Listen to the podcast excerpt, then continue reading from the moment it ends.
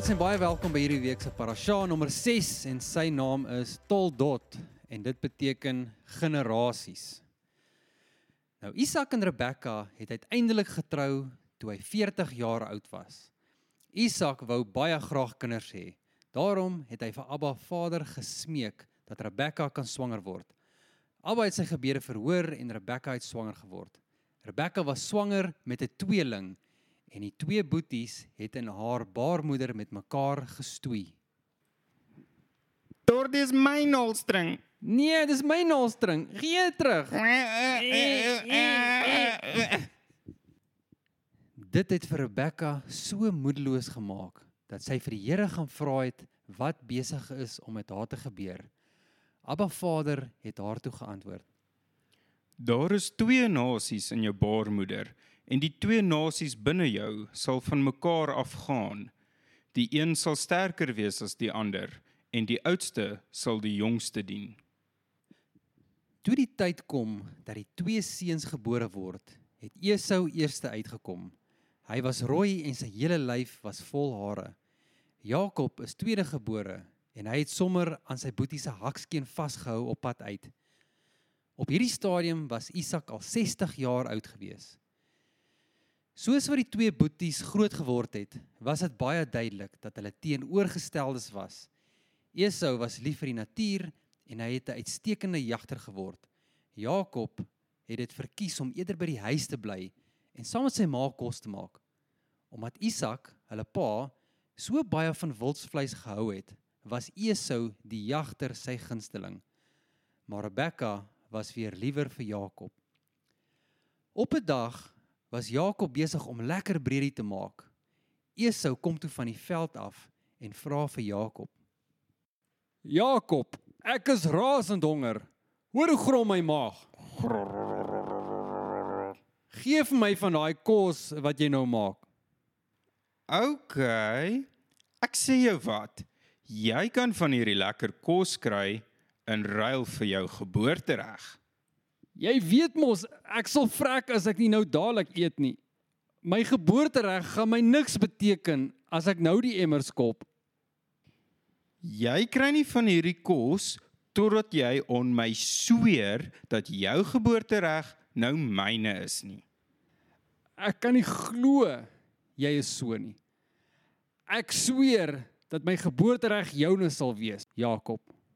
Jakob gee toe vir Esau 'n bietjie brood en van sy lensiesop. Nadat Esau klaar gedrink en geëet het, staan hy toe op en loop. Dit is hoe Esau sy eersgeboortereg weggegee het. 'n Klompie jare later, toe Isak so oud was dat hy al blind begin raak het, het hy sy oudste seun Esau geroep. My seun, kom na my toe. Hier is ek, pa.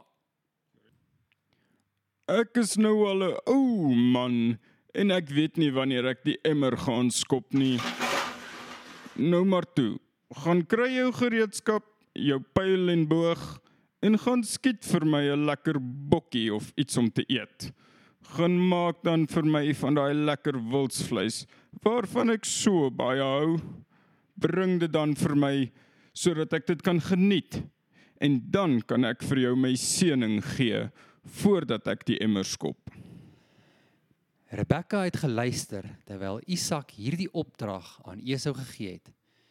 Toe Esau wegveld toe is om te gaan jag, het Rebekka die geleentheid gebruik om vir Jakob te gaan sê: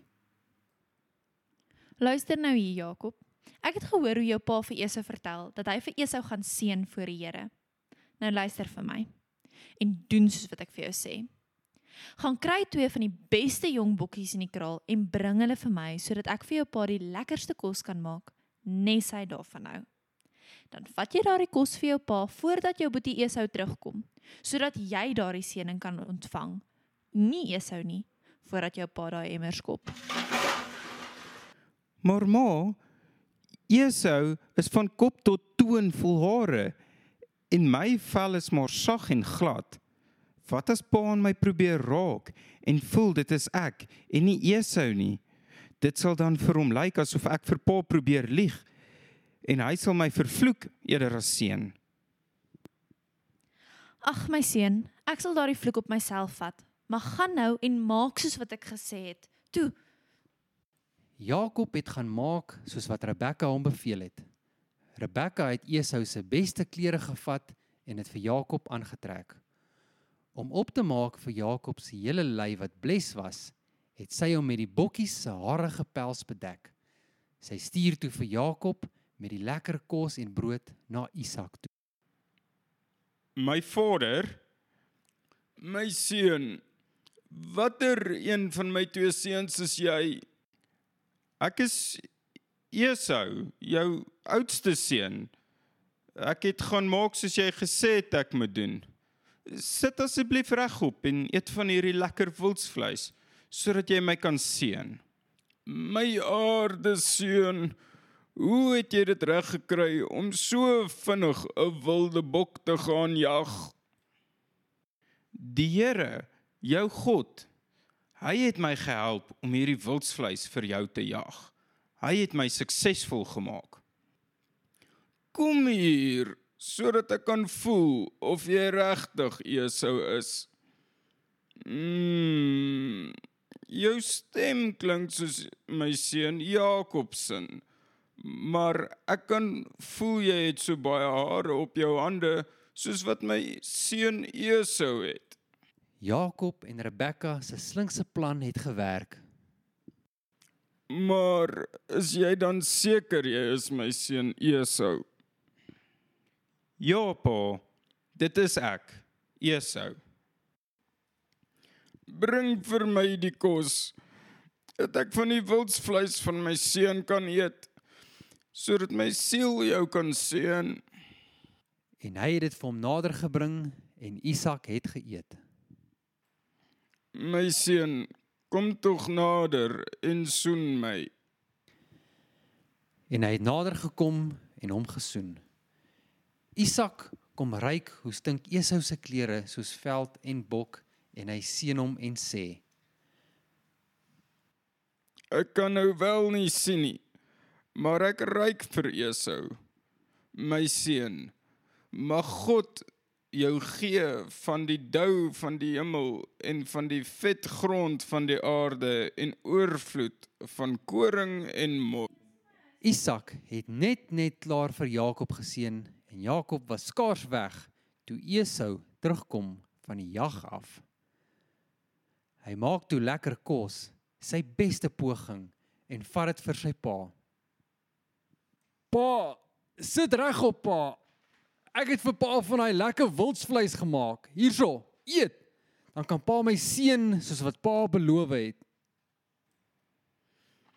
Maar wie is jy? Hoe nou pa? Ek is Esau, pa se oudste kind. Pa het my mos hiervoor gevra. Wag, wat? Wie het dan nou net nou vir my die wildsvleis gebring? Kyk hier is nog daarvan in my bord. Ek het dit opgeëet en hom geseën. Ek verstaan nou nie wat aangaan nie. Toe Esau dit hoor, het hy vreeslik geskree en te kere gegaan. Nee! Deksels! Jakob! Pa, seën my ook asseblief, pa. Jou boetie het 'n rad voor my oë gedraai. Hy het 'n gek van my gemaak en jou seëning weggevat. Die skerminkel. Sy naam is nie verniet Jakob nie, want dit is wat hy gedoen het. Kyk, hy het my nou al twee keer gepotjie. Eers het hy my geboortereg gevat en nou het hy my seëning gevat. Ag pa, het pa niks oor vir my nie. Nie eens een seën nie. Kyk, ek het hom as heerser oor jou gestel en aan hom al sy broers as dienaars gegee. En ek het hom met koring en mos versorg.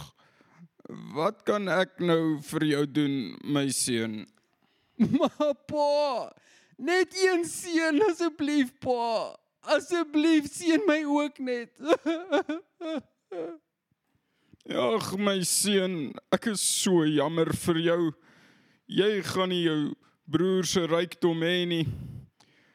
Maar van jou swaard sal jy lewe en vir jou broer sal jy moet dien. Maar as jy al jou kragte inspann, sal jy sy juk van jou nek afruk. Esau het Jakob gehaat van daardie dag af. En hy het gedink: "Kyk, my pa gaan nie lank lewe nie. Ek moet net my kans afwag. Sodra pa nie meer hier is nie, dan gaan ek vir Jakob doodmaak." Toe Rebekka hoor wat Esau beplan, het sy geskrik en vinnig vir Jakob geroep. Kyk, Esau is boos. Hy soek wraak. En vir hom beteken dit dat jy moet dood, want dan sal die eersgeborene reg weer syne wees. Isak my kind, luister nou mooi vir my. Kry jou goed en vlug na my boetie Laban toe. Hy bly mos daar in Haran. Jy gaan daar maar daar moet bly totdat jou boetie kalmeer het. Laat hom net bietjie vergeet wat hier gebeur het. As dit weer vir jou veilig is, sal ek iemand stuur om jou te kom haal. Jy kan nie hier bly nie. Esau sal jou doodmaak en dan sal ek albei van julle op een dag verloor. Kyk, Esau is vir my ook boos en ek weet nie of hy my sal vergewe nie. Ek kan nie jou ook verloor nie. Isak het gehoor dat Jakob op pad is om te vlug en hy het hom geroep sodat hy een laaste keer met sy seun kon praat. Jakob, asseblief. Jy het nou die eersgeborene seëning ontvang. Dit is 'n groot verantwoordelikheid. Jy mag nie met 'n Kanaanitiese vrou trou soos wat Esau het nie. Jy moet trou met 'n vrou wat die Here sal dien. So gaan na Padan Aram daar by Aran waar Laban bly. Kry daar vir jou 'n vrou. En mag God, die Almagtige, jou seën en vir jou 'n groot nageslag gee sodat daar 'n baie groot nasie van jou af kan kom. En mag hy jou die seën van Abraham gee en jou nageslag saam met jou dat jy die land van jou vreemdelingskap in besit kan neem wat God aan Abraham gegee het. So het Isak vir Jakob weggestuur. Jakob het geluister en na Padan Aram gegaan, na sy ma se boetie Laban, sy oom. En volgende week gaan ons hoor wat het met Jakob gebeur in Padan Aram Doodles noodles.